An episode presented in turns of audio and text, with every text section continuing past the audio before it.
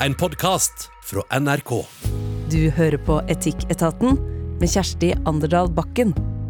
Desember er tid for eh, masse kos, men òg for å ljuge. Om at det fins en rødkledd fyr med skjegg og kulemage som gir gaver til snille barn. Koselig det, da, tenker kanskje du. Men er det greit å ljuge til unger? Det er et av dilemmaene du skal få høre panelet her jo med diskutere i dag. Og så må vi ta turen opp i en politisk korrekt kakeboks. Kafeen på Stortinget har nemlig døpt Kakemannen om til Kakeperson. Og med det hissa på seg masse, masse folk. Har den politiske korrektheten gått for langt? Denne moralske pekefingeren er det jo da eh, stadig flere som misliker. Eh, Tore Petterson, når er det du liksom er raskt framme og korrigerer folk? Uh, ja, jeg, er, jeg har liksom noen ting. Jeg liker ikke folk som retter på feilskrivning. Man vet ikke hva hva folk sliter med, holdt jeg på å si. Om, det er, om de har uh, litt skrivevansker eller rett og slett bare hadde hodet fullt av noe annet når skoletiden uh, gikk. Litt sånn som jeg hadde. Så det liker jeg ikke. Og så hater jeg ordet må. Jeg kan ikke fordra at folk bruker ordet må, for vi må ingenting. Vi må bli født, da, så må vi dø. og så handler det om å fylle livet med så mye fint imellom der som mulig. Så jeg kan kanskje til tider være litt irriterende på det. At jeg sier sånn Jeg vil, sier jeg. Vil. Du vil gjøre det. Du må ikke gjøre det, men du vil gjøre det. Så det er vel der jeg er strengest. Også når folk sier sånn gutt 60, da så kjenner jeg at er, du er ikke gutt og 60 år. Det er lov å si mann, da. Det var tre på rappen, men uh, det er mine. Det, da kommer jeg med pekefingeren. Ellers er jeg ikke så Jeg, ikke så, jeg er ikke så lett krenkbar. Nei. Nei. Dine kamper, eh, kjent for mange fra TV, Skal vi danse og Sofa blant annet, og ja. som komiker. Eh, og så er det en annen komikerkollega her i dag også, Iselil Korpus. Når må du fram med denne politisk korrekte pekefingeren? Mm, jeg er jo same av yrke, i tillegg til å være komiker. Eh, og jeg eh, retter ofte på folk som sier samedrakt istedenfor kofte. Aller helst skal de jo si, bruke det samiske ordet gekti eller gapta, eller på det samiske språket som er aktuelt. Men hvis de sier samedrakt, så er det sånn nei, nei, nei. For jeg vet ikke, det er noe med samedrakt eller Ja, er ikke det sånn samedag? Når det er samefolkets dag eller nasjonaldag. Det er noe med det prefikset same, og så legger det til noe annet. Så skurrer det litt for meg. Um, og også andre sånne urfolksbetegnelser, som indianer og eskimo. Og så blir det altså sånn Nei, nei, amerikansk urfolk. Eller native. Eller innfødt, liksom. Da, der kjenner jeg at jeg er kjapp på den politiske korrektheten. Én gang. Um, siste person i panelet i dag, uh, for å være litt politisk korrekt sjøl, ikke si siste mann, som jeg kan, kan gjøre. Uh, Silje Meisal, prest. Um, når kommer din pekefinger for å gi folk korreks? Jeg er veldig allergisk mot sånn maktspråk i, i samtaler eller diskusjoner. Så noen, noen sier sånn Men Silje, du, du, må jo forstå at jeg måtte gjøre det hvis jeg har kommet med en korreks, eller Da, da kommer jeg med en ny korreks. eh, for det, det, var nettopp det jeg ikke forsto. Det var derfor jeg tok det opp. så det må jeg ikke forstå. Mm. Kom ikke her. Kom ikke her. Nei. Da har vi notert ned noen ord som jeg skal passe meg for i Etikketaten i dag. Og eh, med kakeperson og julenisse på agendaen, så er vi altså i eh, julemodus. Men vi skal òg ta for oss et dilemma som Mari står overfor. Eh, hun er sørsamisk og føler hun bør bli buende på heimplassen for å holde på det sørsamiske språket, som veldig få kan. Eller kan hun droppe ansvaret og flytte dit hun sjøl vil? Etikketaten, krøllalfa nrk.no er e-postadressa vår om du vil sende oss et eh, dilemma. Gjennom hele desember har kafeen på Stortinget solgt ikke kakemenn, ikke kakekvinner, men kakepersoner. De tradisjonelle kakemennene har altså blitt eh, kjønnsnøytrale, og på bollen med kakepersoner oppi så er det en eh, lapp der det står han, hun eller hen. Alle kan gnafse i seg det kjønnet en foretrekk, har en fornøyd likestillingsminister sagt om det her, ifølge Dagbladet. Men saken har også fått uh, veldig mange turister oppgitt på huet, og noen har blitt skikkelig irriterte. Så vi spør har den politiske korrektheten gått for langt, eller er det her et steg i rett retning? Og jeg må bare si at jeg har prata med en del folk rundt meg om den saken her, og reaksjonen fra de fleste er sånn åh, er det her et problem også nå, da? Um, rett inn i sutring. Um, Tore, hva var din reaksjon når du hørte om det her uh, kakepersonene? Jeg syns jo det er vakkert. Eh, Jeg har jo den tanken om at eh, de konservative kan holde igjen så lenge de vil, men de har fortsatt ikke vunnet en eneste kamp. Nei, jeg, jeg snakker jo mye med ungdom og, og med barn, og de er, for dem er dette så uproblematisk, da, dette med ikke-binær, og at man ønsker å vise at, eller opplever at man har et annet kjønn, eller ikke sant. Uh, og der syns jeg de har kommet så langt, og jeg tenker det er denne veien vi går. Så jeg syns det er fint. Det er i hvert fall et, eh, en, en regjering og en storting som på en måte har vedtatt at, at dette er greit, og dette her er, er innafor. Så tenker jeg at er det ett sted det skal være greit å si kakeperson og ikke mann og kvinne, så, så syns jeg jo absolutt det skal være der. Hva du gjør med kakeboksen din hjemme på kjøkkenet ditt, det syns jeg du skal kalle akkurat hva du har lyst til, men akkurat der syns jeg det er fint, og da kan folk spise akkurat det kjønnet de har lyst til, og det, det kjønnet de har lyst på. Um, så jeg syns det er vakkert, jeg syns det er noe fint med det, og jeg ser at verden går fremover i riktig retning. Vi kan uh, si fra folk på Stortinget at det smaker faktisk det samme, uavhengig Det vil jeg av eh, kjønn. Mm. Mm, det er faktisk det. Um, Silje, hva ville du kalle denne julekaka? Eh, kakehen, kanskje? Istedenfor kakemann. Ja, eh, kakemenn, kakehen. Eh, ja, jeg, jeg er litt enig med Tore at det er litt vakkert, jeg vet, og jeg regner med at dette ikke er resultat av en stor kamp. Eh, dette er mer en sånn symbolsk ting som man har satt fram. Det er jo andre kamper som irriterer meg mye mer. Og det eh, så, Som eksempel at det eh, nå er jul, og vi leter etter gaver, og jeg skulle finne noe ski til datteren min, og da er det jo eh, tilbud på butikker, og så er det et gutt eller pike. Så det er bare mulig å kjøpe rosa eller grønne skyer. Det er ikke litt rosa, de er knallrosa med frost, og det er liksom Og hun er seks, da. Eh, så jeg må lete godt for å finne grønne eller oransje ski. Iallfall akkurat der jeg var, da. Det syns jeg er mye mer provoserende. Så, så på et vis er det vakkert med kakepersoner, eh, men det er jo andre kamper som er mye viktigere, da. Men det lille symbolet i Stortinget der, det er supert. Så jeg håper de tar andre kamper også. Eh, Isalill, hvilket inntrykk får du av Stortingskafeen når du hører at de serverer kakepersoner? Ja, jeg vet ikke. Det er jo På, en, på den ene sida er jeg jo svak for symbolpolitikk. Kan jo lett la meg forføre av sånne nær ting. Jeg blir litt sånn Herregud, så varmt og inkluderende og fint. Eh, og så får jeg også en litt sånn klam følelse når eh, de står og skryter av at det her har Se hva vi har gjort! Oi, oi, oi, se, vi har klart å lage eh, ikke-binære former av deg. og så at det løftes frem som en sånn Så, så flinke vi er. Um, men det, det jeg tror kan være bra, er jo at det gir jo en slags innsikt i hvor mye vi kjønner ting. Sånn som ski. At ski blir kjønna av eh, Jeg vet ikke hvilken sportsforretning du var i, men at eh, Intersport har bestemt at nei, men eh, de her skiene her har to forskjellige farger, så da har de to forskjellige kjønn. Um, og da kanskje det vekker en bevissthet uh, en så ergerlig det må være for de veldig konservative å bli bevisst hvor kjønna språket er. Men det kan jo være fint, og kanskje Kanskje det starter en eh, fin debatt eh, i, i kantina deres, da. Men samtidig er jeg enig i at jeg håper, de, jeg håper ikke de bruker kjempemye energi på det. De kan jo bruke masse energi på en haug med andre saker hvor det er eh, kjempeviktig å diskutere. Eh, spesielt med tanke på kjønn. Men eh, la meg, så oppsummert, lar meg litt forføre, og så blir jeg litt realitetsorientert et lite sekund og tenker jeg håper, jeg håper de eh, jobber mer med andre saker enn med kakekjønnene sine. Og det er en av de kommentarene som går igjen, at skal de bruke tid på det her også nå eh, i Stortinget? Det er ganske sånn surmaga eh, kommentarfelt, eh, vil jeg si. Det, det syns jeg er en uting å si. Um, og skal de bruke tid på det her? For det første så vet vi ikke hvor mye tid de har brukt uh, på det.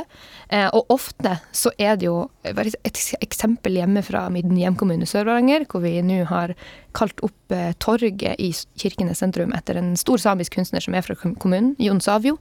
Um, det ble en kjempedebatt hjemme i Sør-Varanger om man skulle endre navnet på det torget fra å hete Torget til Jon Savios plass. Eh, og da var også mange av kommentarene åh, skal de bruke tid på å diskutere om det skal hete Jon Savios plass.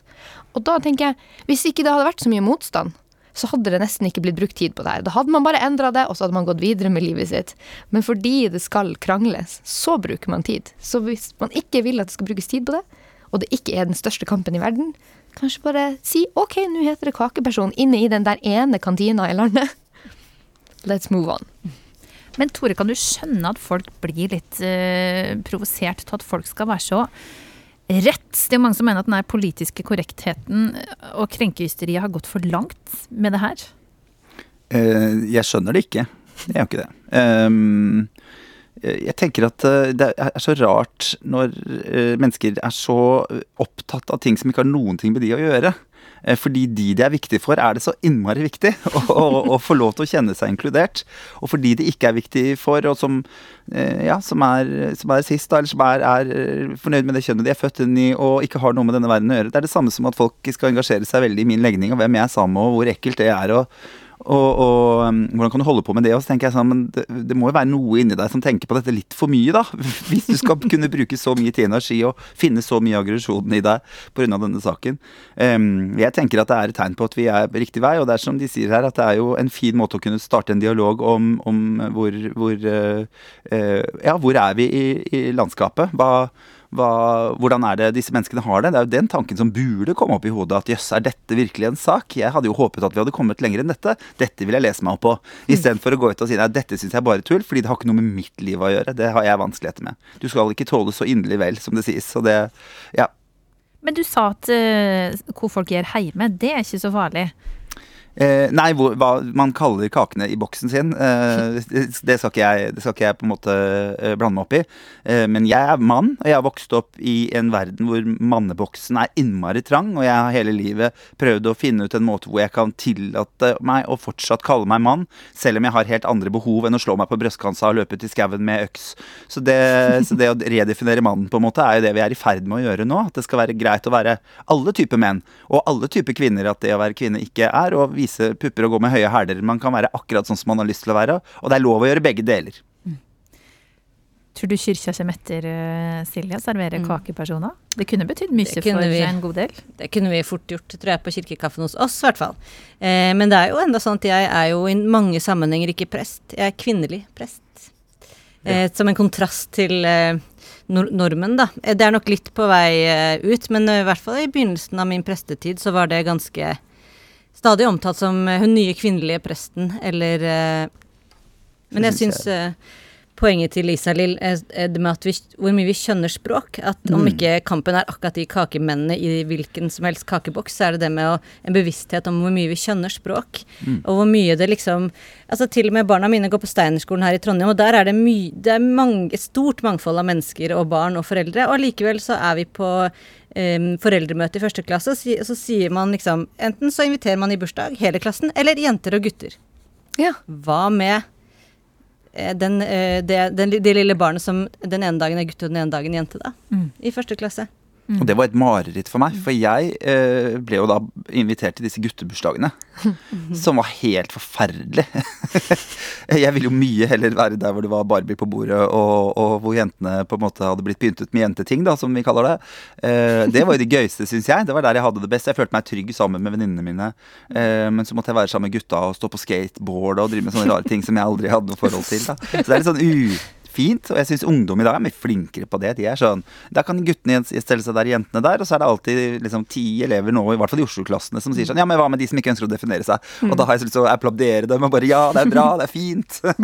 For jeg hadde så vært ikke-benær hvis jeg var 17 år i dag. Det er ingen tvil om det. Jeg syns manneboksen er kjempetrang. Mm. I tiende klasse så deler de etter hvem som liker Pepsi og hvem som liker Cola. Når vi skal dele i grupper. Mye bedre enn å dele kjønn. For det er ca. halvparten. Herregud, så lurt. Synd jeg ikke er lærer lenger. Det kunne jeg jo brukt. Ja. Ja, Hvis du går tilbake i klasserommet, så har du et uh, godt tips Ja. der. Mm. det skal jeg gjøre. Men eh, altså, når vi snakker om liksom, binær, ikke-binær, den debatten er ofte veldig betent. Jeg syns det er litt skummelt og vanskelig å gå inn i sjøl. Er det ikke deilig med liksom et snev av humor i en sånn debatt? Fordi det var eh, flere sitt eh, poeng som har skrevet kronikker rundt om at hvor skjer med folk? Ser de ikke ikke humoren? Em, er det ikke godt med litt humor, komiker Isalill, Jo, i altså- denne debatten? Jo, selvfølgelig. Og alt som kan være liksom lett tilgjengelig for folk, noe de lett forstår. Eh, ja, OK, her er et kjønna produkt, nå kaller vi det noe annet. Hva skjer inni deg nå? Blir du sint? Kanskje du skal gå inn i deg sjøl da? Blir du kjempeglad? Ja, da kan du kanskje også ta en tur innom deg sjøl og bare Oi, hvorfor ble jeg så glad nå? Hva, hva er det som skjer?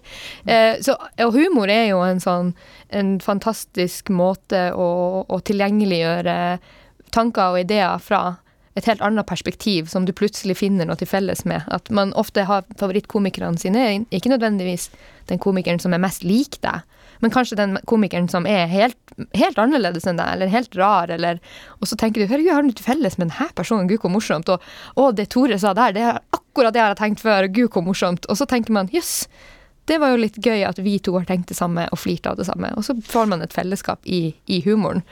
Um, og, og så er jeg jo for alt som kan være litt sånn Det er jo litt teit med å kalle det for en, eh, en kakeperson, på en måte. Det er litt sånn Ja, det har ikke så mye å si. Men nå sitter vi jo her og prater om det, og, og jeg, hadde nok eh, smilt hvis jeg var i kantina og så det og tenkt sånn Å ja, artig. Og så har jeg sikkert gått videre med dagen min da, og ikke hengt meg så veldig mye opp i det. Men det er en kjempefin måte å, å åpne temaet på. Litt ufarlig. Hvor skummelt kan det være å kalle en kakemann for en kakeperson? Det er ikke så farlig. Da er det kanskje ikke så farlig i resten av verden heller. Men kan det, kan det skade saken litt også, med tanke på um, hvem det har vekt i kommentarfelta? Um, hva tenker du om det, Silje?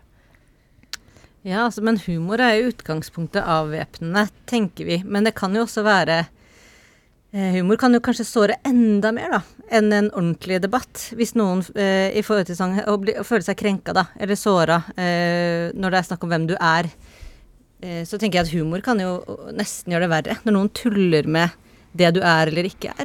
Det er ingenting som er så vondt som det. Når det er humor for andre, mitt liv. Mm. Eller det er kanskje noen er redd for? Det kan jo kanskje ligge noe der også, Tore? Ja. ehm, Tror du det kan skade debatten, det her? Eh, Jeg er en homofil mann. Eh, Det har de fleste fått med seg nå, så det er ikke derfor jeg sier det. Ehm, men jeg skvetter når jeg ser menn kysse. Og det er jo rart, siden jeg er en mann som selv kysser menn. men det handler jo om at jeg ser det for sjeldent. Så jeg tenker at eh, en enkelt Det er mange som har sagt at jeg, ja, du ødelegger hele homodebatten og sånn fordi du er sånn som du er. Det har jeg fått på melding stadig vekk. Så tenker jeg takk for komplimentet, men så viktig er jeg ikke, tror jeg. Eh, Jeg tror ikke jeg alene klarer å dra liksom 20-30 år med homokamp tilbake til grava, liksom. Eh, Så jeg tenker liksom alt som gjør det synlig, alt som gjør at vi snakker om det, er, er pluss og positivt. Og for den det gjelder, så er jo ikke dette humor. Ikke sant? For de som, for de som går og møter fordommer mot dette og, og diskriminering daglig pga. disse tingene, så er dette her dønn seriøst og kjempealvor. ikke sant? Så det synes jeg er, Derfor syns jeg det er er fint at det blir en prat om det. er Fint at, at det normaliseres. da, at, det, at vi blir vant til det. For Hadde jeg sett menn som kysset oftere, så hadde jeg ikke skvettet så fælt. Hadde jeg eh, sett menn som holdt hverandre i hånda og turte det, for det er jo faktisk en stor risiko i dag for at da får du juling. Og det gjør jo at folk unngår å gjøre det, og derfor skvetter jeg. Og det tenker jeg at eh, jo mer vi hører om det i alle mulige rare ting, reklamer, TV-serier, eh, i kakeboksen på Stortinget, så, så blir vi litt og litt, om så bare en bitte liten brøkdel, eh, rundere i kantene, håper jeg da. Og så betyr det så mye eh, hvis man kommer fra den gruppa som plutselig får litt positiv oppmerksomhet. Mm. Jeg sjekka inn på et hotell i Norge et eller annet sted, og så så jeg tilfeldigvis på den lille brosjyra som var over sånn eh, sikkerhetsrutin. Hva gjør du hvis det brenner? Og så sto på den ene sida var skrevet på nordsamisk. Og jeg ble, altså jeg ble helt fra meg. Jeg ble sånn Herregud, de har huska på oss! Og så denne lille brosjyra som jeg ikke hadde sett hvis jeg ikke åpna den. Og hvor mange Du kjeder deg ganske mye på hotellrommet ditt hvis du begynner å lese den sikkerhetsbrosjyra. Men det var altså så stort, og da tenkte jeg sånn Å gud, det er viktig med de her bitte små, små nikkene til at sånn Hei, vi vet at du fins. Og jeg kjente jo på eh, det der med Når jeg var ung, så hadde vi også en kamp, ikke sant. Og det å, å bli kalt homoseksuell for meg, det var veldig feil. Da var det fram med pekefingeren, for jeg, det var ikke bare en seksualitet. Dette handler også om følelser og kjærlighet og livet mitt, ikke sant.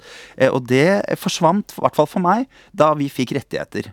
Når vi hadde politi på vår side som registrerte homovold, som det tok altfor mange år før kom, og, og vi fikk lov å gifte oss i kirken, og de åpnet opp og sa at de som eh, ønsker det, skal være velkommen hos oss, hos oss, da kjente jeg at da ble det mindre og Kall meg hva du vil, liksom. Da, da har jeg eh, rettigheten, og det er det jeg tenker handler litt om med dette, denne kjønnsdebatten nå. Eh, at, at så lenge man har rettigheter, så tenker jeg at da blir ikke ordene så viktige lenger. Men, men når, når det ikke er på plass, da tar vi det vi kan for å klare å skape en debatt, eller få, få i gang en samtale om ting. Og da blir sånne ting stort, fordi det bare beviser for oss hvor langt vi har igjen å gå, da.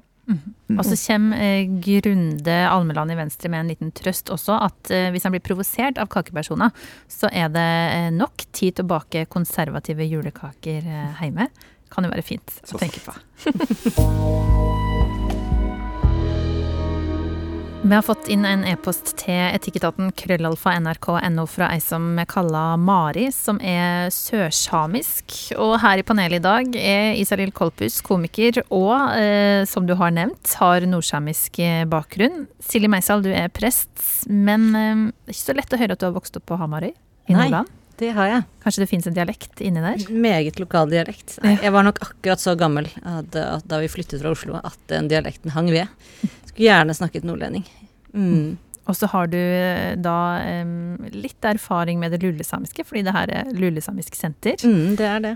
Og så Tore Petterson, komiker, bosatt i den byen i Norge der altså, myta skal ha det til at det bor flest samer i Oslo, men det er ikke sant. Det er faktisk i eh, Tromsø, ifølge faktisk NO i hvert fall. Isalill Nikke, eh, som bor i Tromsø.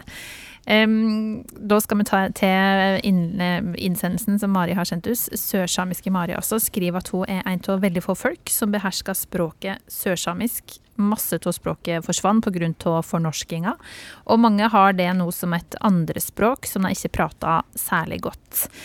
Mari skriver at hun setter eh, veldig pris på å prate språket sitt med andre, og nå, når hun er i 20-åra, så står hun overfor valget skal jeg bosette meg i nærheten av heimplassen min for å være en av de som bevarer språket, som er sterkt truga, eller skal jeg droppe å tenke på det her ansvaret og flytte dit livet fører meg? Det er vanskelig å holde språket levende om det ikke hører hverdagen til, og enda vanskeligere å føre det videre til mine framtidige barn. Samtidig bør plikta jeg kjenner overfor kulturarven min gå utover min frihet til å bli hvor jeg vil, og flytte hvor jeg vil. Og det er også, ifølge tall Språkrådet har samla inn, rundt 500 talere, som de kaller det, av sørsamisk, og trolig litt flere som identifiserer seg med språket, og som kan det delvis. Det er veldig, veldig få. Um, Isalill, du har nordsamisk bakgrunn, og det er jo en god del flere som kan det språket enn sørsamisk, trolig rundt 25 000. Men kjenner du, kjenner du det likevel igjen i dette dilemmaet? Ja, kjempe, kjempemye. Jeg, øh, jeg fikk litt tårer i øynene. Det der er skikkelig tungt. Jeg må faktisk samle meg litt. Ha. Um, ja, Tore, du kan sikkert prate litt i mellomtida. um, Åh, Nei, det er kjempetungt. Ja. Jeg er jo veldig opptatt av eh, Jeg er en utdanna relasjonsterapeut ekterapeut. Um, og jobber jo, eh, har jobbet nå i tre år med å finne ut av, um, av hva er mine behov, og hva vil jeg. Eh, og og syns jo selvfølgelig det er kjempeviktig å kjenne etter hva, hva, er du, hva er det du ønsker, og hva er det som gjør du har fått et, denne ene muligheten da, eh, til å være her, i hvert fall som vi vet om akkurat nå. eh, til å leve dette livet fullt ut. Så jeg unner jo denne, denne kvinnen å få lov til å, å bo der hun vil og følge de drømmene hun vil ha. Så tenker jeg kanskje det er fint å spre det litt. da, Kanskje det er det at, at du er flink til å bruke ditt språk hjemme. Eh, og, og, og lære barna dine det. Sørge for at det ikke, ikke blir borte. Og det tenker jeg det, kan, det er det mulig å gjøre. Eh, både i Oslo, i Bergen og, og hvor man enn måtte ønske å befinne seg. Men det viktigste er jo at du har det godt, og ikke bor et sted hvor du kanskje ikke har de mulighetene du, som du drømte om, men du niholder på, på en, eh, et språk da, for, for noen og andre som kommer etter deg. Og det, det jeg kjenner på, er jo at For jeg har jo kjempa masse for å få mitt språk tilbake. For jeg vokste ikke opp med det, men nå snakker jeg nordsamisk. Um, så det er jo en kjempetung kamp, og den er kjempetung å stå i, og du vet at du skal stå i den hele livet. Um, også selv hvis du bor hjemme blant dem som snakker sørsamisk, så kommer det fortsatt til å være en kamp, fordi det norske språket er så dominant i samfunnet rundt deg til enhver tid at du hele tida må passe på å velge det samiske når du snakker med folk. Når jeg er med bare samiske venner, så er det ofte vi snakker norsk. Fordi vi glemmer å velge nordsamisk. At vi hele tida må sånn Å, å, vi må huske å snakke nordsamisk. Fordi vi hele tida hører norsk, og vi hele tida tenker Eller jeg tenker på norsk, kanskje Mari tenker på sørsamisk. Um, så det er kjempetungt å kjenne på at Oi, nå drar jeg et sted der kampen blir enda tyngre. At kanskje på hjemmebane så vet du at ja, jeg kan støtte meg til folk, og jeg har kanskje en familie som snakker sørsamisk. Eh, og nå skal jeg bort, og nå skal den kampen bli kjempe, kjempemye tyngre, selv om den allerede er tung. Og å være same, det er ikke bare en kamp innad i seg sjøl, det er jo en kamp mot eh, samfunnet og staten og eh, Ja, det er masse som på en måte helt har truer eksistensen din som same. Så, og språket er en sånn trygg havn at når du har det, så føler du liksom Ja, men der er Mange sitt samiske identitet ligger jo i språket, så jeg tror at det å flytte bort fra den liksom rota til den identiteten er sikkert kjempe, kjempe, kjempefælt. Um, men så er, sier jeg jo som Tor òg at men den friheten til å bli det du vil bli, den er også så utrolig viktig, tror jeg, for ditt eget eh, forhold til språket ditt og kulturen din. At du kan Jeg håper ikke hun, hun havner i en situasjon der hun føler at den samiske kulturen begrenser henne på noe vis. Og da tror jeg kanskje det er viktigere å, å tenke, tenke litt på seg sjøl. Og det eh, Jeg lærte meg samisk på Grünerløkka i Oslo. da Samisk hus i Oslo lå der, og jeg lærte meg det på kurs. Så det fins jo måter å holde det i live selv om man ikke er i bygda si. Men jeg kjenner så godt igjen den smerten av å forlate området sitt. Og i hvert fall sørsamene som er en minoritet i minoriteten. Det er veldig lett for meg som nordsame å si det, du kan lære deg overalt, du kan ikke lære deg sørsamisk overalt. Um, Hvorfor så, var det så viktig for det å lære språket, da? Um, delvis fordi uh, min mormor snakkes, har det som morsmål, og mine andre besteforeldre hadde det også, men uh, ikke Eller dem som også hadde det, de lever ikke lenger. Um, så jeg hadde veldig veldig lyst til å lære meg det før uh, mormor gikk bort, sånn at jeg rakk å prate med henne. Fordi foreldra dine prater ikke samisk? Nei. Nei. Og det er jo veldig, en veldig kjent historie i Sápmi og blant samer at det er et generasjonsgap på en eller to generasjoner der en eller to generasjoner i din slekt lærte aldri samisk. Um, og fordi fornorskningspolitikken var ekstremt effektiv. Og det skal bare en generasjon til, og så er språket borte. Hvis du ikke hører det hjemme, så lærer du det ikke på den måten. Um, så jeg har jo måttet lære meg det på kurs i Oslo. Um, og det er en kjempe eh, lang vei å lære seg det. Det er et superkomplisert språk. språk. Det ligner jo ikke på norsk i det hele tatt. Og jeg som nordsame kunne ikke prata med Mari, eh, som snakker sørsamisk. Vi ville nesten ikke forstått hverandre. Um, litt fordi jeg er litt, ikke er så språkmektig. Hvis du er veldig flink i nordsamisk, så skjønner du en del sørsamisk. Um, så det er så mye identitet i en så liten gruppe knytta i det språket. Det er kjempeviktig. Um, men ikke til si, forkleinelse for dem som ikke snakker samisk. For de har jo sine røtter, identiteten sin, i andre deler av kulturen. Altså en del av dette dilemmaet handler jo om hvor en skal uh, bosette seg. Skal en prioritere uh, å bli der som du kan utgjøre en større forskjell? Um, Silje som vokser opp på en liten plass i Hamarøy. Um, det bor under 2000 personer der.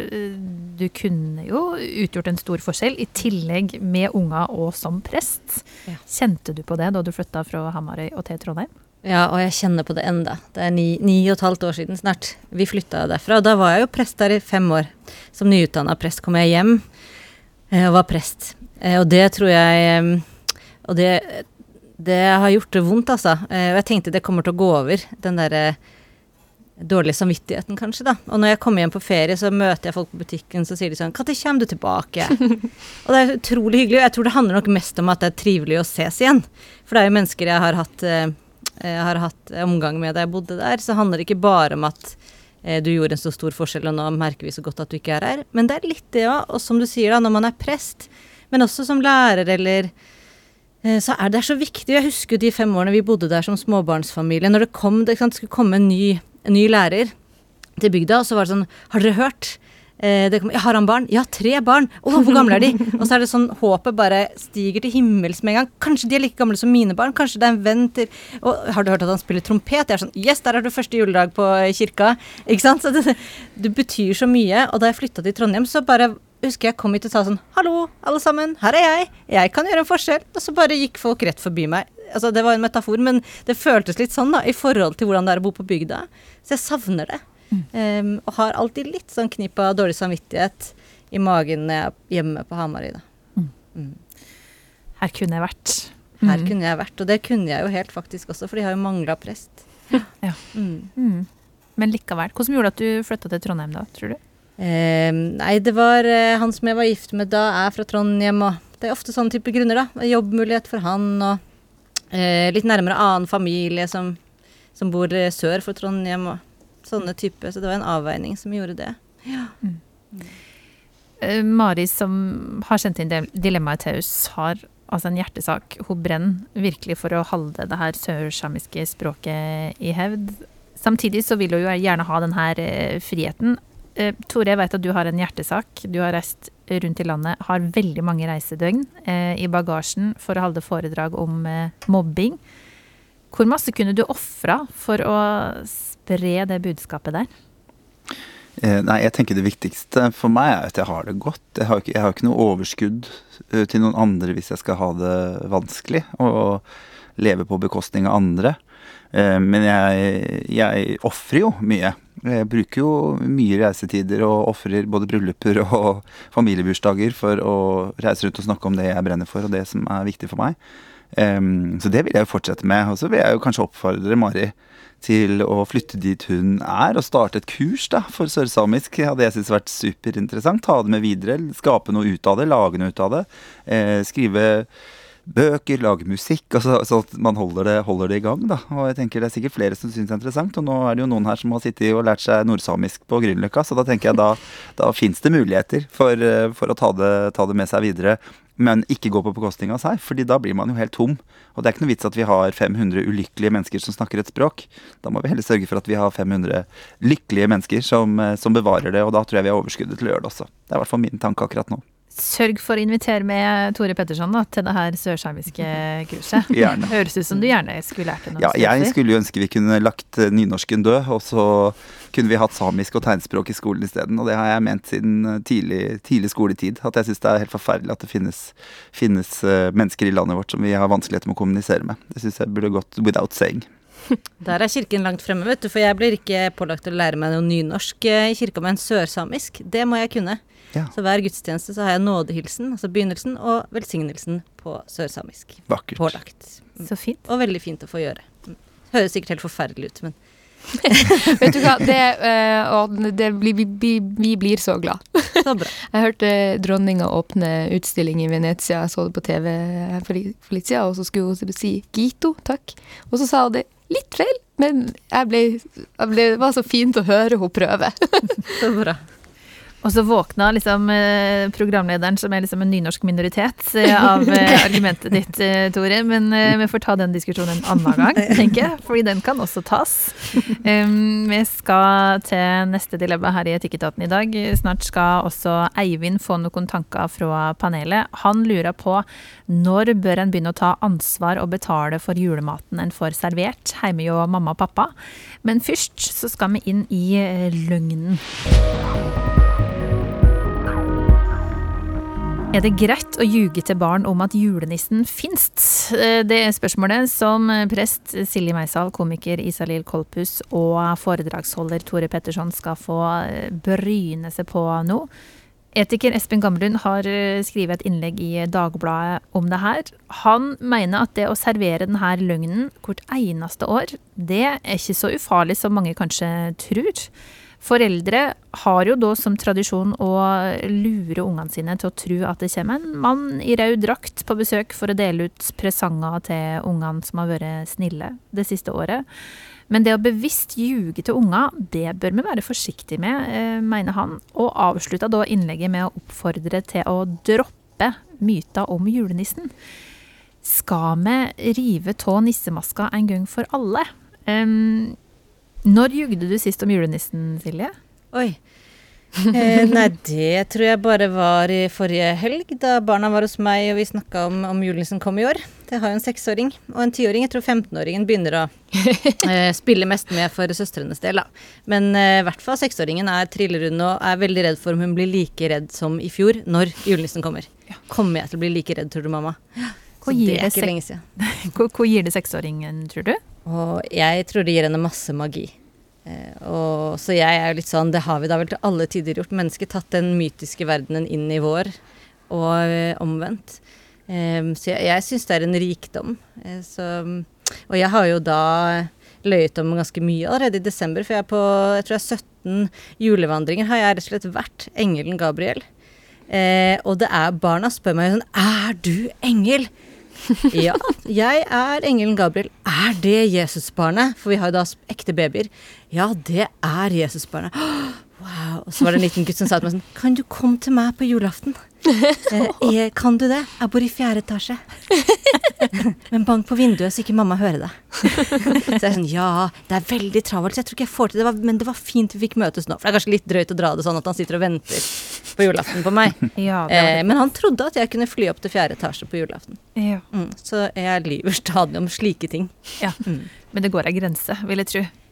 Ja, altså synes jeg kanskje Det verste med julenissen er ikke at vi sier at han fins. Det verste er vel mer det moralske i det som vi, når vi snakker at barna skal være snille. Det har jeg en helt annen mening om. Mm. Det får vi eh, ta snart. Men Isalill, husker du når du skjønte at nissen, han fins ikke? Ja, jeg husker det kjempegodt. Um, fordi uh, jeg følte meg så smart da jeg fant det ut. Og det var liksom eh, Det begynte å nærme seg jul. Det var ikke Jeg tror ikke vi, det var liksom ikke jul enda. Så begynte jeg å tenke på det, og bare sånn OK, men det er julenissestyret. Og jeg hadde sikkert hørt noen rykter om at han ikke fantes. Og så gikk jeg i gamle fotoalbum og bladde bakover og så på bilder av meg og julenissen og var sånn «Åh, Det er jo en maske! Og jeg var helt sånn Nancy Drew. Jeg følte meg så, så smart. Og bare, jeg hadde liksom unraveled at jeg klarte å flette fra hverandre hele det her eh, mysteriet julenissen. Eh, så for meg var det egentlig en, sånn, en av mine største sånne intellektuelle seere.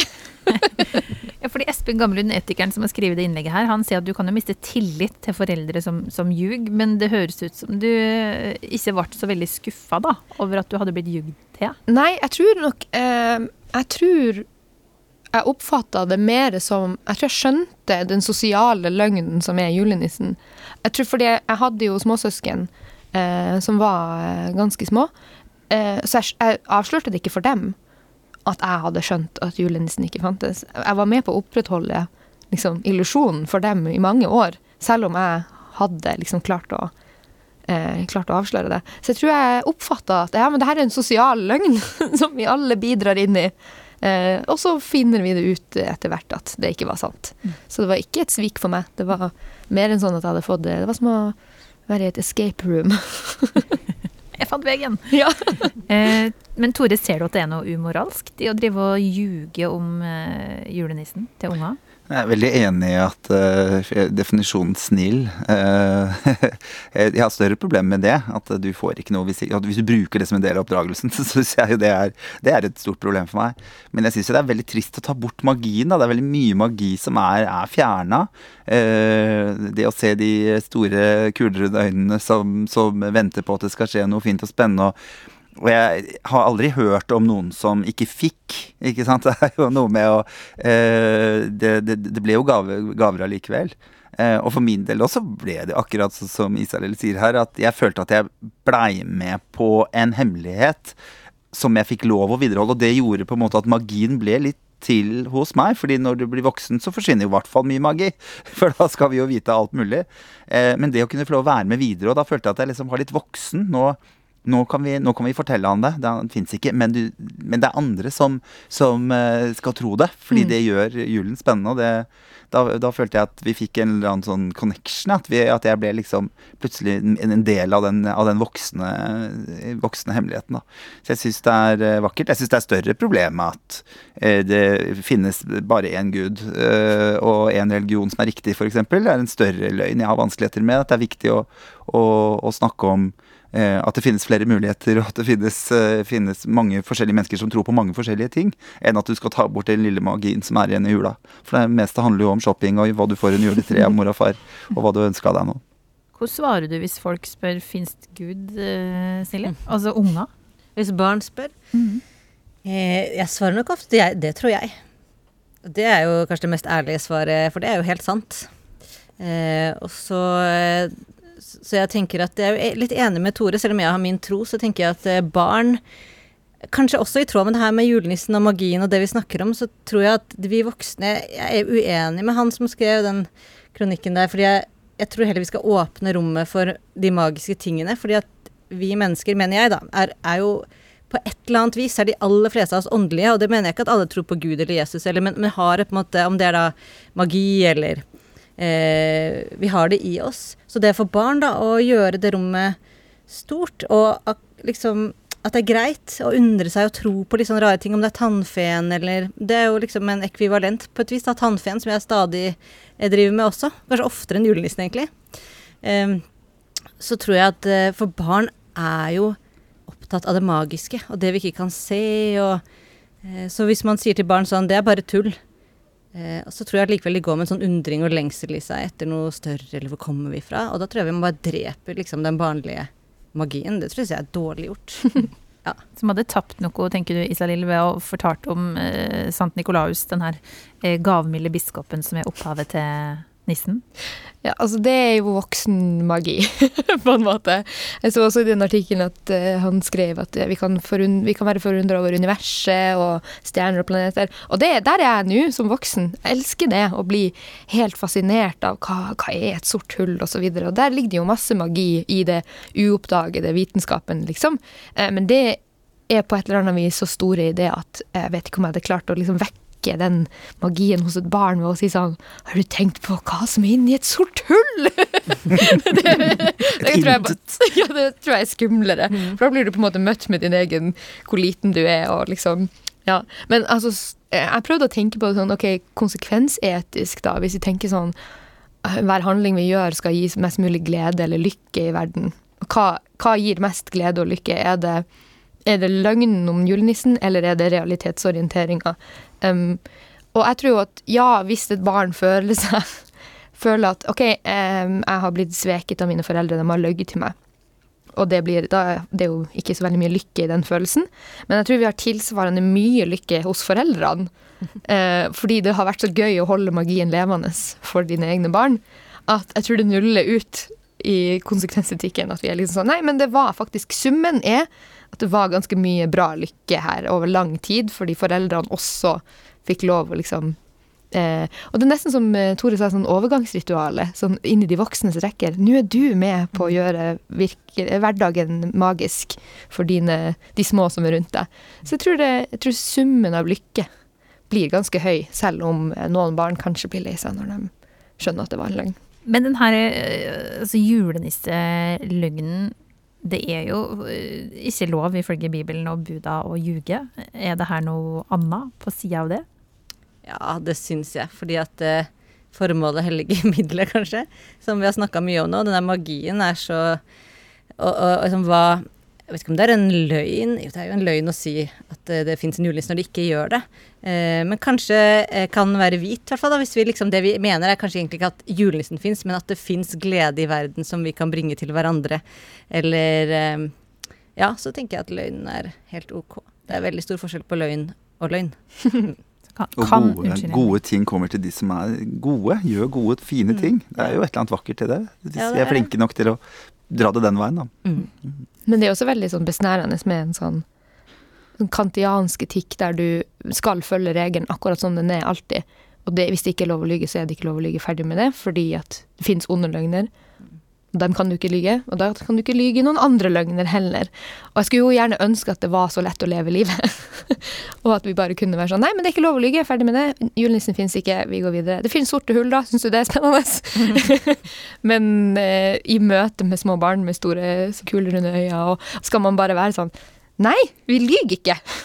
vi Ferdig med det. Nei, det tror ikke jeg går, rett og slett. Og tenk å være den som på en måte bryter opp i illusjonen. Det er jo helt forferdelig med den eh, andre i barnehagen som sier sånn Fins det ikke? Ja, men det er jo noen barn eh, På disse barnehagevandringene som jeg nevnte, så var det jo noen som sa For det var noen gang Jesus Det var jo 15 minus i Trondheim, så Jesus kunne ikke komme. Eh, Så vi måtte ha en dukke. Så sier jeg sånn Her er Jesusbarnet som vi skulle finne på vår vandring. Og så sier barn sånn Det er ei dukke. Så jeg sånn Nei, det er Jesusbarnet. Så står kanskje fireåringen der med store øyne, så sier seksåringen sånn Det er bare ei dukke. Og da sier, men da sier de barnehagevoksne ansatte sier sånn Hysj! Ja. Til seksåringen. Og da er de voksne som sier sånn bevar magien. Ja, ja. Fordi fireåringen er litt sånn ja, Kanskje det faktisk er en Jesus? Ja. Jeg tror det er en god personlighetstest. Sånn. Hvem var du da du var liten? Var du, var du den som ville avsløre og fortelle til alle? Vet du at julenissen ikke fins? Ja. Eller var du en unge som bare holdt kjeft om det? Det har vært interessant å se om det er to ulike lag av befolkninga. At liksom dem som avslørte deg, dem er sikkert kyniske bedriftsledere fra eller sted. Det er de som retter på folk istedenfor å lese argumentene. Så kommer de med noe retter på rett skriving av dem. Så jeg er overbevist om. Rett skal være rett. Det kan du begynne å si, Tore. Sånn, jeg er sikker på at du er realist om julenissen når du var i barnehagen. Du er liksom ødela for de andre. Verste sort. Vi skal holde oss til jula i det siste dilemmaet her i dag òg. En mann som er 35 år og singel og uten unger, håper at panelet kan hjelpe han med et dilemma som han har tenkt på en god stund. Mannen kaller meg altså Eivind. Han skal hjem og nyte ei uke med juleferie og mor og far, og det skal òg de to søsknene hans. Men nå følger Eivind på at han er voksen, og at han bør begynne å bidra økonomisk til denne julefeiringa, trass i at han ikke har så veldig god råd sjøl. Mor og far har ikke spurt etter noe økonomisk støtte, men med dagens mat- og strømpriser så lurer han på om han burde bidra. Skal Eivind betale for julematen? Komikerne Tore Petterson, Isalill Kolpus og prest Silje Meisal er altså panelet her i Etikketaten. Tore, kjenner du deg igjen i denne problemstillinga? Ja, dette er en ganske fersk problemstilling i mitt liv, faktisk. Jeg tror det var fjor eller forfjor. Og jeg begynte å gnåle om det. At nå syns jeg det føles mer riktig om dere sender meg et vips at, jeg, at jeg kan bidra litt. Grann. Um, altså til foreldrene dine? Til foreldrene mine og ja. søstrene mine, da. Fordi det, vi har annethvert år hos søstrene mine og foreldrene. Og da sier jeg jeg vil, jeg vil gjerne bidra. Jeg har lyst til å være en del av det. Eh, og det handler jo litt om eh, Ja, det koster jo mye gjennom hele året, da. Og det er jo alltid ute i det virkelige liv, så er det noen som inviterer, så er det noen som aldri gjør det. Eh, og det også kan føles av og til litt sånn urettferdig. At det blir veldig dyrt for de som er flinke til å samle familien, samle venner, samle være. Det, det, det koster da mye penger. Så jeg har faktisk akkurat vært oppi den, oppi den situasjonen. Så jeg tenker jo at det, han er, jeg heier på at Eivind skal være med litt. Også ikke for mye, for jeg tror det er litt magi for mamma og pappa da, å få lov til å, å ha denne kvelden. At ikke dette skal liksom handle om penger. Det er liksom den ene dagen hvor vi bare ah, kan vi ikke snakke om noe annet. Eh, men eh, send over en eh, liten eh, slant, det du har råd til, og si jeg vil, jeg vil så gjerne bidra, for da blir dette en del av min glede også. At det handler mer om den følelsen du sitter med på julaften, enn en de andre, da. Var det alder som gjorde at du begynte å tenke på det, tror du? Det kan godt hende. Jeg har ikke tenkt på det før. Eh, men så har jeg heller ikke hatt økonomi til det før. Um, så det er noe med at uh, Ikke at jeg har så forferdelig god råd nå, alt har blitt dyrt. Men det er liksom Ja, når jeg ikke har mye, så har jo mest sannsynlig ikke de så mye heller. Og vi er jo Hos oss er vi tre barn og, og seks barnebarn. Så det er klart det er mange som skal, skal, ha, skal ha, mat. Så nå har vi kuttet uh, julegaver til de voksne, f.eks. Det er også en måte å møte den økonomiske eh, situasjonen vi er oppe i nå. At ok, barna skal få ha magien, og vi andre vi kjøper jo faktisk strengt tatt det vi trenger. Og så kan vi heller gå sammen litt da om, om julematen, og, uten å ta bort mors glede av at det er hun som har eh, styra og laga. Hva sier deg når du vippser, da? Nei, altså, Jeg lagde veldig mye styr med søsteren min, da, for hun hadde jo ikke tatt overskudd over dette. ikke sant? Eller hun hadde ikke noe oversikt med det, eh, over dette her, så jeg sendte henne sånn ca. en gang i måneden. Så sa jeg sånn Her har du fått regna på det. De går jo opp og leser her hver gang. Eh, og så kjøpte jeg noen billetter til Vi skulle i operaen, um, og da sa vi ja, men da sier vi det er null. For da, da, har du tatt det, og så har jeg liksom Så da ble jeg med lite grann. Det, sikkert, det kostet sikkert mer enn det, men da følte jeg i hvert fall en eller annen sånn ro i, i magen min om at, uh, at jeg hadde vært med og bidratt, da. Mm. Jeg er jo en voksen mann. Må bare påpeke det. Ja, ja. Eh, Isalill, har du kjent på at du skulle ha vippsa etter et uh, juleselskap med familien? Nei. det har jeg ikke. Jeg har ikke kjent på det der, Jeg hørte det her dilemmaet så var jeg sånn Å, herregud, det var ikke Hvor, hvor selvsentrert er jeg? Har ikke tenkt på det i det hele tatt. Um, Men nå er du 32. Tore, hvor gammel er du? Jeg er 43, så du har tida på oss. Kanskje det skjer noe mellom der? Ja, ok. Jeg tror også det jeg har søsken som er en del år yngre enn meg, som er i eh, tidlig i 20-årene, så det føles liksom som at Men dem, vi er jo bare Vi er jo kjempeunge, vi. Um, så kanskje jeg bare jeg rir litt på deres liksom, alder og tenker ikke på det i det hele tatt, egentlig. Eh, vi er ikke så stor familie heller, da. En, en håndfull unger. så da jeg, jeg har ikke tenkt så veldig mye på det. Men jeg går inn i meg sjøl nå, det merker jeg. At, um, at, jeg kanskje burde vært mer bevisst. Så jeg skjønner jo at han her som har sendt inn, eh, blir bevisst. Um, og det er jo vanskelig når man ikke har penger sjøl også, og har litt dårlig råd og liksom det er jo allerede en vond følelse å, å, kjenne på at man ikke har råd til ting. Det er jo allerede ganske sånn ubehagelig. Selv når det bare går utover deg sjøl, så er det jo fælt. Uh, og så da skulle dra hjem og kjenne på den kanskje fire ganger til, fordi du ser at de her folkene som med dagens klima du vet kanskje ikke har kjempegod råd, dem heller, de betaler nå da for et gilde som jeg skal sitte og fråtse av i, i dagevis hjemme. Så jeg skjønner veldig godt at det kan eh, gjøre at man blir litt sånn Oi, burde jeg ta noen grep her? Men Eivind som ikke har så masse penger sjøl, kan han gi tilbake på et annet vis? I form av tjenester og hjelpe til et eller annet? Eller må det liksom være penger? Nei, sant. Det tenkte jeg også på. Går det an For det kan, det kan ene kan være at han ikke har så mye penger å bidra med, eh, som han skriver. Men, men, det kan også være at foreldrene sier sånn Nei, nei, nei, nå kommer du hjem til mor og far. Og så kjenner han likevel sånn Ja, men jeg ser jo at det her koster dere masse penger. Uh, går det an da å si sånn Ja, men jeg, tok med meg et uh, par flasker vin fra Oslo, eller jeg tok med meg De solgte så god sjokolade på julemarkedet i Oslo, eller hvor han kommer fra, da. Uh, og liksom bringe noe inn allikevel. Eller si, vet du hva, nå tar jeg frokosten i morgen. Eller og bare ordner opp det, eller disker opp, eller Og så får de nå bare avvise det eventuelt, da. Men det er jo andre måter å bidra på. og når man er 35, så håper jeg at han kan koke poteter, på en måte, og liksom ja, har du 35, så kan jo hende foreldrene dine hadde syntes at det var like deilig. At du tok og rydda inn, tok oppvasken eller måka snø mens mor lagde middag. Altså et eller annet annet, da. Mm. Eh, for det er jo ofte det er ikke ofte bare sånn økonomisk pakke, det der å komme seilende hjem til jul. Det er ofte det med beina høyt og julehefte i sofaen mens mor lag, lager middagen og vasker opp etter den også. Og så kommer det, og når du løfter ned bladet, så ligger det smultringer på bordet og varm kaffe. Det er jo litt sånn kanskje, så det handler kanskje om hele pakka, da. Mm. Mm, men jeg har jo stifta familie så tidlig, så jeg har jo aldri på den måten vært i dilemma. For det ble sånn fra jeg var 24, så hadde jeg familie og innbød til meg. Så jeg har på en måte vært på andre sida. Andre sida, og da har det vært de foreldregenerasjonen som har kommet til oss. Og de har alltid bidratt. Svigermor har alltid betalt liksom hovedkjøttet. Eh, ribba, pinnekjøttet og lutefisken. Hun har betalt liksom hovedgreia, og så har vi tatt tilbehøret. Det har vært super deal. Mm. Mm. Men også, det er jo typisk at folk sier sånn Nei, nei, nei. Mm. Her skal du bare få eh, invitere. Hvilken verdi har det å kunne invitere, da? Det gir jo antageligvis folk noe. Ja, det er kjempeverdi. Og tenk hvis du har økonomi så du bare faktisk med hele ditt hjerte kan si nei, det er bare en glede. Og det er jo kjempegodt å kunne gjøre det. Det kan jo hende mor har det bildet at Eivind er, han er sliten, vet du. Han har jo den slitsomme jobben i Tromsø eller Oslo eller i Valdres eller hvor han bor. Eh, godt for han å komme hjem Eh, tenk hvor mye oppspart sånne mors- og farsgener de har. eh, ja, så jeg tror at det har en kjempeverdi å få lov å Det er en del av menneskelige verdiene å få være noe for andre. Det kan hende disse foreldrene ikke får være det ellers.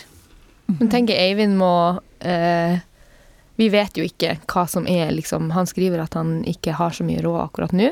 Hva, hva er det liksom, eh, hva, hva legger han i å ikke ha så mye råd? Har han har han veldig lite penger, eh, så er jo det liksom viktig at han ikke på en måte i et forsøk på å leve opp til en sosial forventning om å bidra, måtte ruinere seg sjøl og skal ha det forferdelig eh, over nyttår, da, fordi at han kjenner på et press. Eh, men så kan jo hende han er som meg, da, at det bare Han har ligget litt på sofaen og ser inn på kjøkkenet og bare sånn Skulle jeg bidratt? Eh, mulig. Jeg, burde, jeg har ikke kjempegod råd, men jeg burde kanskje bidratt no noe her nå. Hvis du har de pengene og de midlene. Eh, så ja, eh, som det ble sagt tidligere, at liksom Kom med noe fysisk, da. Ikke si 'her, mamma, her har du penger', for det tror jeg eh, foreldre har vanskelig med å ta imot penger fra ungene sine. Men sjokolade eller et fenalår eller liksom noe håndfast sånn og så åpne det der og da. Sånn, nå er det åpent, nå er vi nødt til å spise det. og liksom få det i gang på den måten. Og han er bevisst hvilken verdi det er han prøver å bevare i seg sjøl. Er det måtehold for å ikke sløse bort pengene sine, eller er det gavmildhet fordi at han vil være med? Altså, være bevisst på hvorfor, hvorfor er det vanskelig. Er det vanskelig fordi det kan potensielt ruinere meg, eller er det vanskelig fordi jeg er bare veldig komfortabel med å være barn innimellom når jeg kommer hjem? Men vi er jo et folk som er ganske dårlig på å snakke om økonomi. Um, mm. Og burde han da, hvis han ikke har penger til å bidra, men egentlig ville gjort det, uh, si det som det er, Tore? At jeg skulle gjerne vippsa Dikkon 500 kroner for det her, men jeg har ikke penger? Eller vil jeg bare skape dårlig samvittighet? Nei, jeg tenker at det er helt nydelig. Eh, hvis eh, noen kommer til meg og sier nei, nå ble det jo mye på deg, da, men jeg har så dårlig råd nå. Da er det jo litt ekstra hyggelig å gi den middagen eller fikse den lunsjen, eller jeg syns det er, er, helt topp. Og, og hvis jeg vet at vennene mine sitter i en vanskelig situasjon og bare sier vet du hva, denne regningen tar jeg hvis vi er ute og spiser på en eller annen restaurant eller kafé, det syns jeg er superfint. Og bare det å, å nevne det. Og så tenker jeg ta med en flaske akevitt, sørg for at du er med og tar oppvaska, støvsuger før gjestene kommer. Altså, det, er, det er jo flere ting. Jeg er helt enig i det. Um, men jeg tror det er bare noen ganger med å både, Jeg tror de både hjelper han å snakke om det. Jeg tenker jo det løser mye, da. Det å bare få sagt det. Jeg går og tenker mye på dette, uh, og så kan du heller gjøre noe annet. Du kan, du kan bidra på andre måter og si 'mamma, nå legger du deg ned, her er det en kopp kaffe'. Uh, her er Disney på TV, og så tar jeg og fikser oppvaska eller et eller annet annet. Frokosten eller ja. Ja, fordi det her, det her å skylde folk noe, det liker vi veldig dårlig, mange av oss. Det skaper liksom en sånn um, ubalanse i, i relasjonen. Um, vi skal liksom gjengjelde det her gavene vi får. Um, er det ikke litt deilig hvis vi for en gangs skyld bare kan liksom nyte det her ute av skyldfølelse? Mm. Har ikke det vært deilig? Jo, veldig deilig. Fantastisk. Men, eh, og det, kanskje det er det nesten bare hos mamma og pappa man kan det. Vet ikke, jeg vet ikke om så mange andre steder jeg kunne ligget på sofaen på den måten. Og så håper jeg de setter litt pris på å få liksom ungene tilbake, og da liksom ungene eh, Du må trekke fra 10-15 år på den alderen de egentlig har Ja. eh, fått. Ja, jeg har en kjæreste som er 57. Vi var hjemme hos foreldrene hans. Han ligger på sovende på sofaen mens moren tar oppvasken. Det er veldig sjarmerende. Ja, og det håper vi også mor syns. Ja, det tror jeg absolutt. Jula eh, rommer jo eh, så mangt og dilemma og tradisjoner, og det har Etikketatens julespesial også gjort. Eh, Plikt og tradisjon er vel ord som oppsummerer både det ene og det andre. Tore Petterson, foredragsholder og komiker og relasjonsterapeut, har vi lært i løpet av denne timen her. Prest Silje Meisal og lektor, og også komiker Isalill Kolpus, tusen hjertelig takk for at dere kan komme hit eh, i dag, og god jul! God Riktig god jul. Berit Jolet. Det var fint. Eh, Kan du det på sørsamisk, Silje? Nei, jeg kan, vel- jeg kan velsignelsen. Hvis det Jeg får ta den etterpå. Ja. Og til det som hører på Etikketaten, så kan du også høres eh, gjennom hele jula i appen NRK Radio. Der finnes det mange episoder. Og så eh, høres det med att med et nytt panel og nye dilemmaer på eh, nyåret 2023. Jeg heter Kjersti Anderdal Bakken, og vi høres. Du har hørt en podkast fra NRK. Hør flere podkaster og din favorittkanal i appen NRK Radio.